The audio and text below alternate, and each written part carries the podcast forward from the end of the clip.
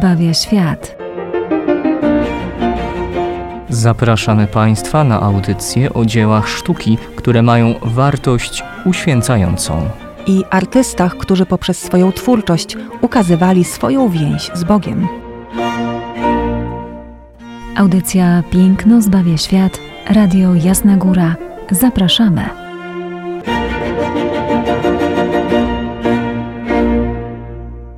W kolejnej audycji Piękno zbawia świat pozdrawiamy Was serdecznie. Ojciec Tomasz Mordziałek i Izabela Banaszewska.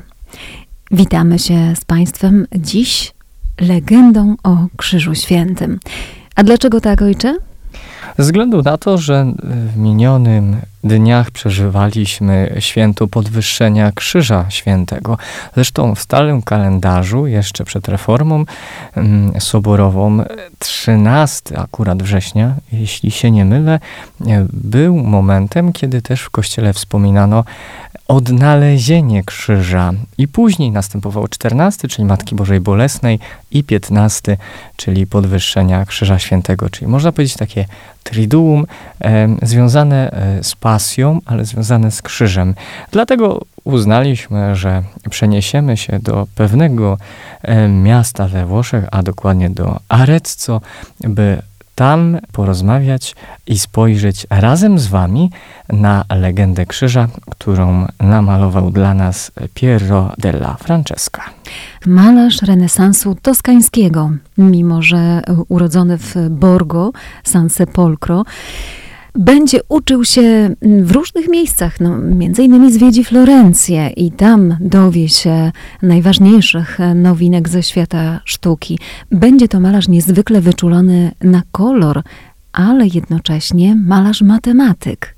E, studiuje zarówno malarstwo, jak i matematykę, a co za tym idzie, możemy się tego oczywiście domyślać, że niezwykle ważna będzie dla niego perspektywa. Ale jeżeli matematyka, to pamiętajmy o tym, że te trzy e, składowe renesansu Rytm, harmonia i symetria to są dane również matematyczne, drodzy Państwo.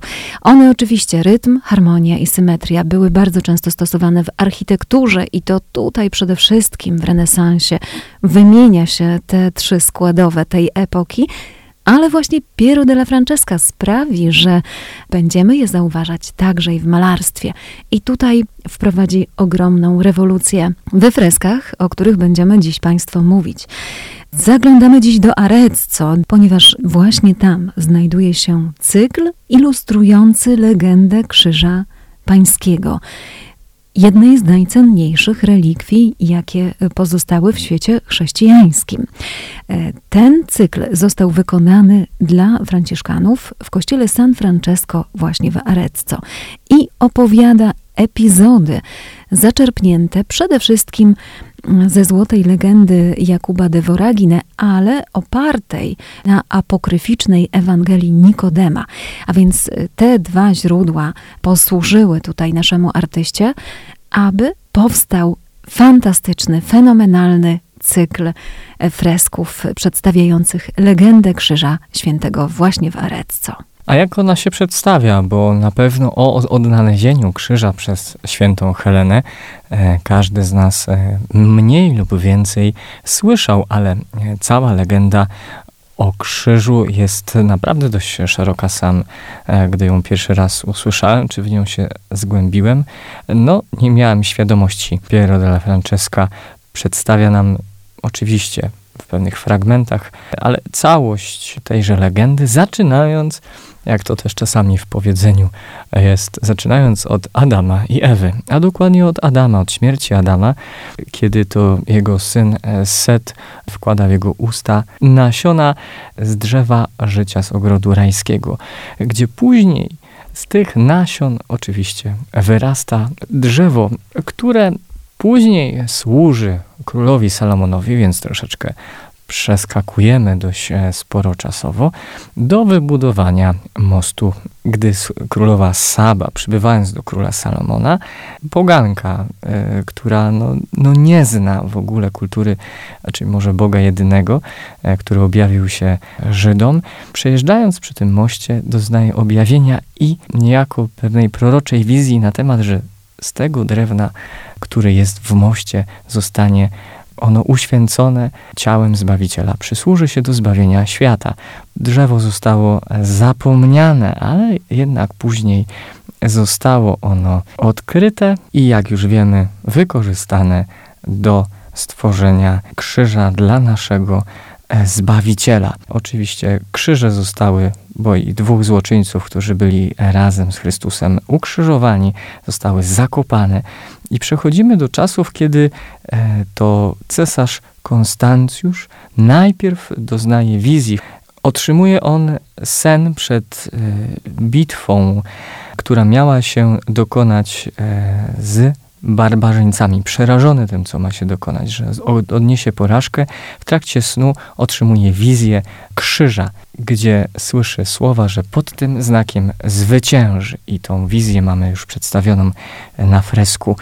Następnie po zwycięstwie nad, e, ze znakiem krzyża, którego e, dokonał Konstantyn, święta Helena, jego matka, postanawia zdobyć wszystko, co jest związane z krzyżem Chrystusa. Udaje się do Ziemi Świętej, by odnaleźć to e, cudowne drzewo.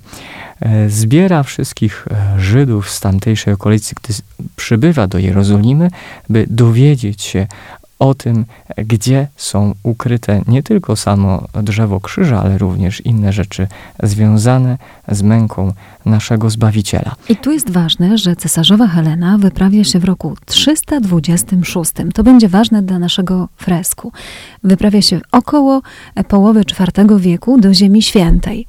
E, faktycznie, tam otaczają ją, tak jak mówił e, ojciec Żydzi, jeden z nich o imieniu Juda. Jest torturowany po sześciu e, dniach przebywania w studni bez wody i bez jedzenia. On zdecyduje się wyjawić, gdzie zostały ukryte krzyże podczas krzyżowania Chrystusa.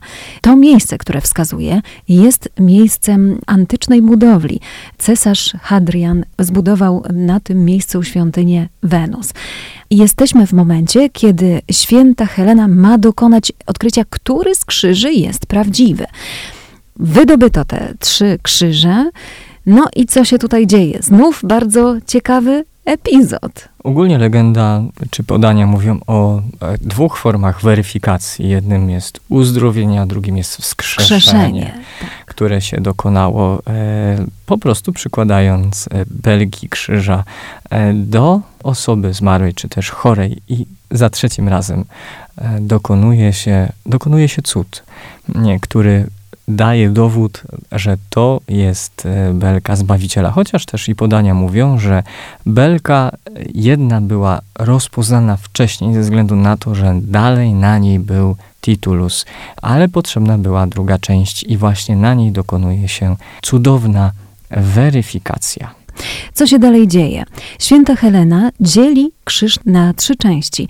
Jedną z nich wysyła do swojego syna Konstantyna, do Konstantynopola, drugą do Rzymu, a trzecią postanawia zostawić w Jerozolimie. I teraz sytuacja dotycząca naszych fresków znów przenosi nas o 300 lat później, do roku 614, gdzie władca Persji, król Chozroes II, podbija Jerozolimę i łupi relikwie krzyża. Na wieść o tym rabunku przybywa cesarz Imperium Wschodniego Herakliusz i w walce odzyskuje ten święty skarb. Składa go znowu w Jerozolimie.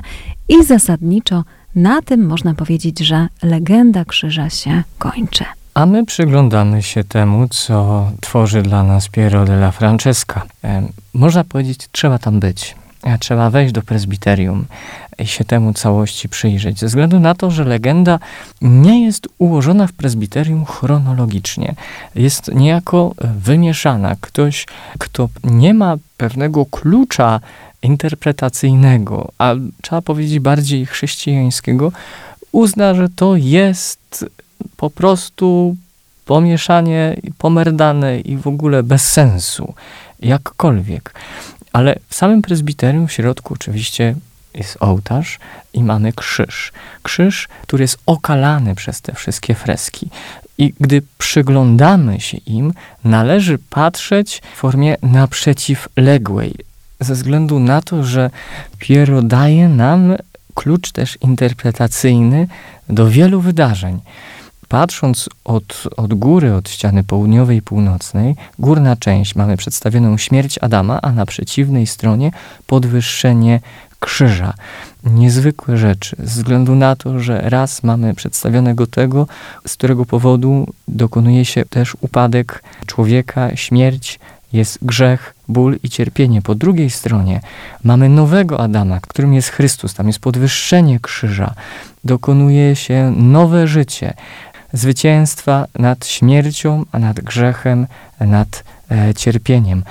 I tutaj musimy jeszcze dodać, że te dwie sceny, które ojciec wymienił, są to lunety.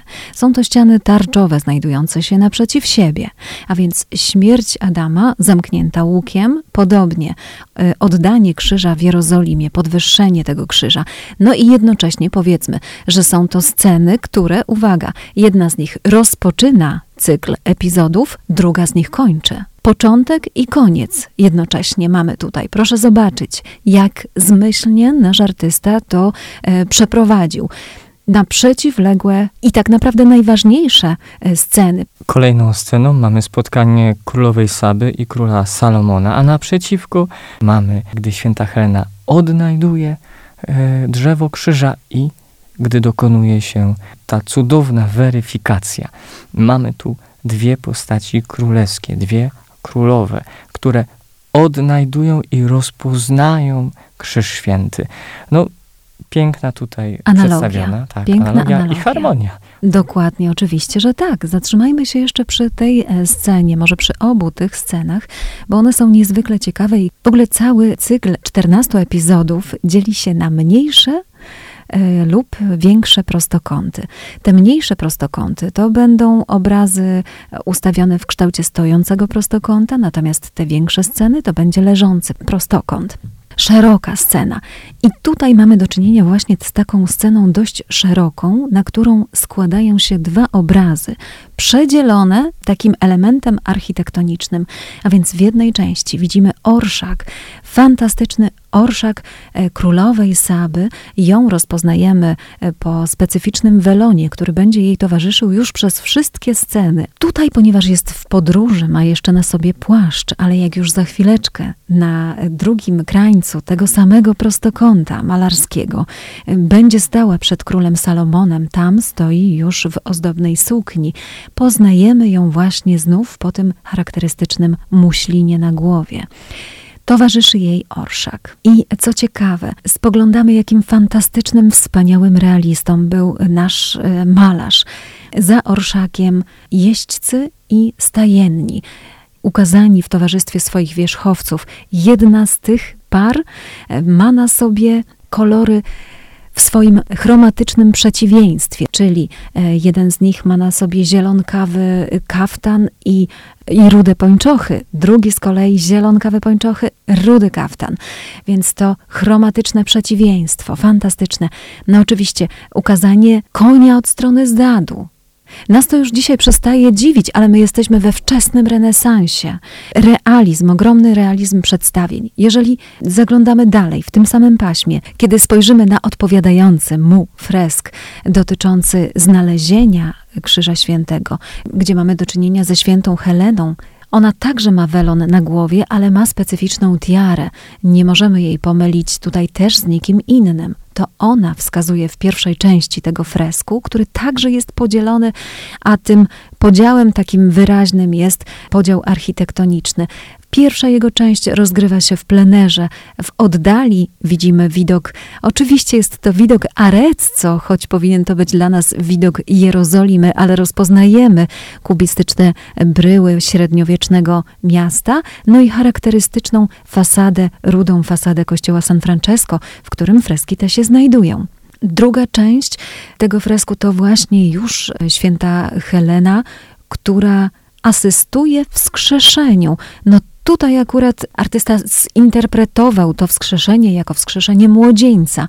Mamy nagiego mężczyznę, który powstaje z martwych, dotknięty przed momentem właśnie krzyżem, podtrzymywanym między innymi przez świętą Helenę.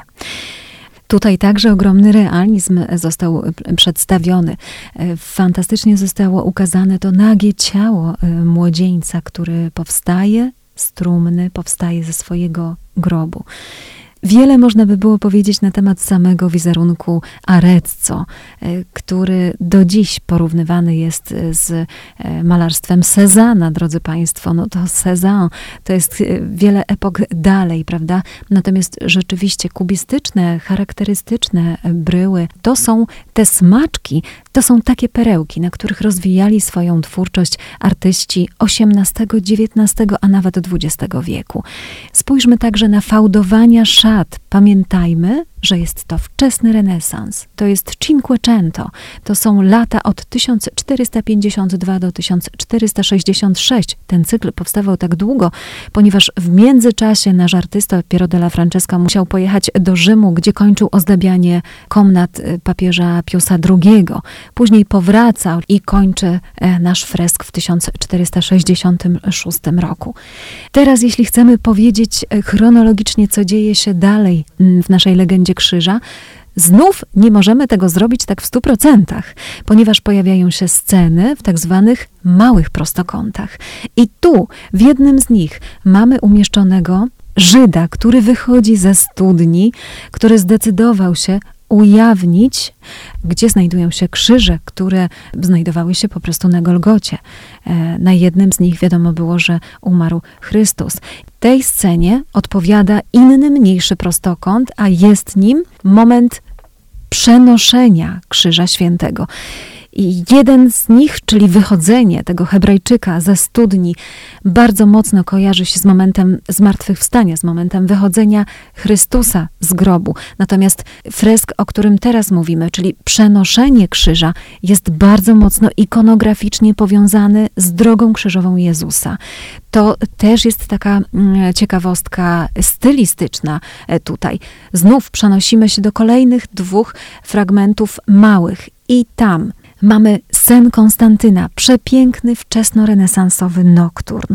Widzimy rozpostarty namiot, pod nim leżącego e, na łożu Konstantyna, a nad namiotem anioł, który zwiastuje mu, objawia mu się e, we śnie, zwiastuje mu i przynosi znak krzyża, mówiąc w tym znaku zwyciężysz. Temu z kolei fragmentowi odpowiada inny mniejszy prostokąt ukazujący Maryję, której zwiastuje Archanioł Gabriel. Znamy ikonograficznie motyw zwiastowania, on nie powinien nas dziwić, ale co łączy te dwa fragmenty? Obecność anioła. I teraz zobaczmy, że... Nawet ar... więcej niż obecność anioła mamy. Tu i tu po drugiej stronie mamy pewną wolność i propozycję Boga e, do człowieka. No dokładnie, I oczywiście, że tak. zgodę Konstancjusz poszedł za znakiem krzyża, by zwyciężyć. I Maryja również zgodziła się na to, by zostać matką Zbawiciela. I Piero specjalnie dodaje nam, zresztą nam wskazuje na to, czym syn Konstantyna jest. E, no, naprawdę niezwykłą rzeczą e, porównanie go do, do zwiastowania, no bo w sumie dzięki temu później Konstantynowi chrześcijaństwo mogło się coraz bardziej rozszerzać, wejść z katakumb już przestało być tak prześladowane.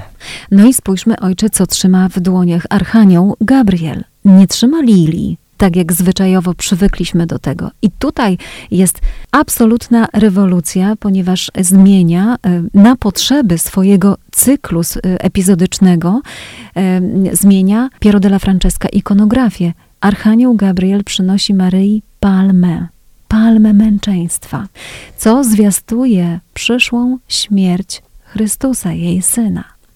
Więc mamy tutaj e, znów bardzo ciekawe porównanie.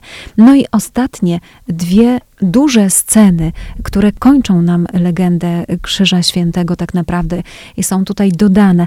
To jest właśnie klęska Chozroesa. Pamiętamy o tym, że cesarz Herakliusz wyrusza, aby wydobyć złupione relikwie Krzyża Świętego, które e, no, padły tutaj łupem barbarzyńców i odpowiada tejże scenie zwycięstwo Konstantyna nad Maksencjuszem, czyli niejako część dalsza snu Konstantyna. Tutaj już widzimy jego konsekwencje. Konstantyn niosący krzyż w dłoni i w tym znaku zwycięża. No przepiękna. Drodzy Państwo, jeżeli chcemy jeszcze raz spojrzeć na te sceny, to widzimy symetria, absolutnie symetria, rytm i harmonia są kluczem do, pierwszym kluczem do odczytania legendy krzyża e, według Piero della Francesca. Mamy sceny na tle architektury umieszczone naprzeciwko siebie. Mamy sceny w pejzażu umieszczone naprzeciwko siebie i sceny w panoramie bitew także naprzeciwko siebie. Wszystko się tutaj zgadza, a dodatkowo one ideologicznie odpowiadają sobie. Jak przystało na matematyka, tak to trzeba dodać. Dokładnie e, tak. Tak pięknie wszystko skonstruowane, ale jak e, dlatego wspomnieliśmy wcześniej i tu warto jeszcze raz powtórzyć, e, trzeba udać się do Arezzo i zobaczyć to na własne oczy. Mi nie dane było, e, może kiedyś, e, tylko wyłącznie widziałem e, zdjęcia, ale już przy samych zdjęciach całego prezbiterium, no to robi wrażenie, a znając jeszcze całość bez spojrzenia, właśnie zobaczenia tej harmonii, no to na pewno będzie robić wrażenie. Więc e, na koniec audycji e, zapraszamy Was przy kolejnych wakacjach do Włoch i do Arezzo. Oczywiście nie tylko. Tak, no i przypominamy, drodzy Państwo, że oglądając jakikolwiek obraz, który porusza nasze serce, warto wcześniej wniknąć w biografię artysty. Nie zrozumiemy tych e, fresków, czy też kunsztu malarskiego, na który spoglądamy bez wcześniejszego e, zagłębienia się w szczegóły biograficzne, tak jak to było w przypadku Piero della Francesca. Nie docenimy jego zmysłu kolorystycznego, jeżeli nie będziemy chociażby wiedzieli o tym, że jego ojciec był garbarzem i sukiennikiem, a więc od młodych, wczesnych młodych lat ten młody chłopiec był wyczulony na barwę i na strukturę sukna, e, materiału, którą w doskonały sposób potrafi oddać we freskach z Arezzo. No jest tutaj wiele rzeczy, o których jeszcze moglibyśmy powiedzieć. Te niezwykłe efekty luministyczne, to, że nawiązuje w tak fantastyczny sposób do realizmu przedstawieniowego, który widzi wokół siebie. Są tutaj też wątki patriotyczne, e, które e, umieszcza. Jest tego naprawdę dość dużo. Niestety czas naszej audycji dobiega końca, dlatego też zostawiamy Państwu do przeanalizowania dokładnego, jeżeli legenda Krzyża Świętego Państwa zainteresowała zarówno legendę według Jakuba de Voragine, warto sięgnąć do apokryfów Ewangelii Nikodema oraz właśnie do legendy Krzyża Świętego Pędzla Piero della Francesca. Zapraszamy do tego i do kolejnej audycji Piękno zbawia świat. Tymczasem my żegnamy się. Ojciec Tomasz Mordziałek i Izabela Banaszewska. Do usłyszenia za tydzień.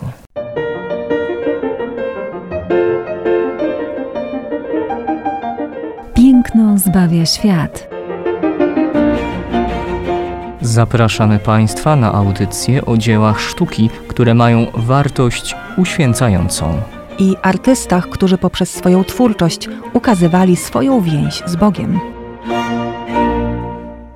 Audycja Piękno zbawia świat, Radio Jasna Góra. Zapraszamy.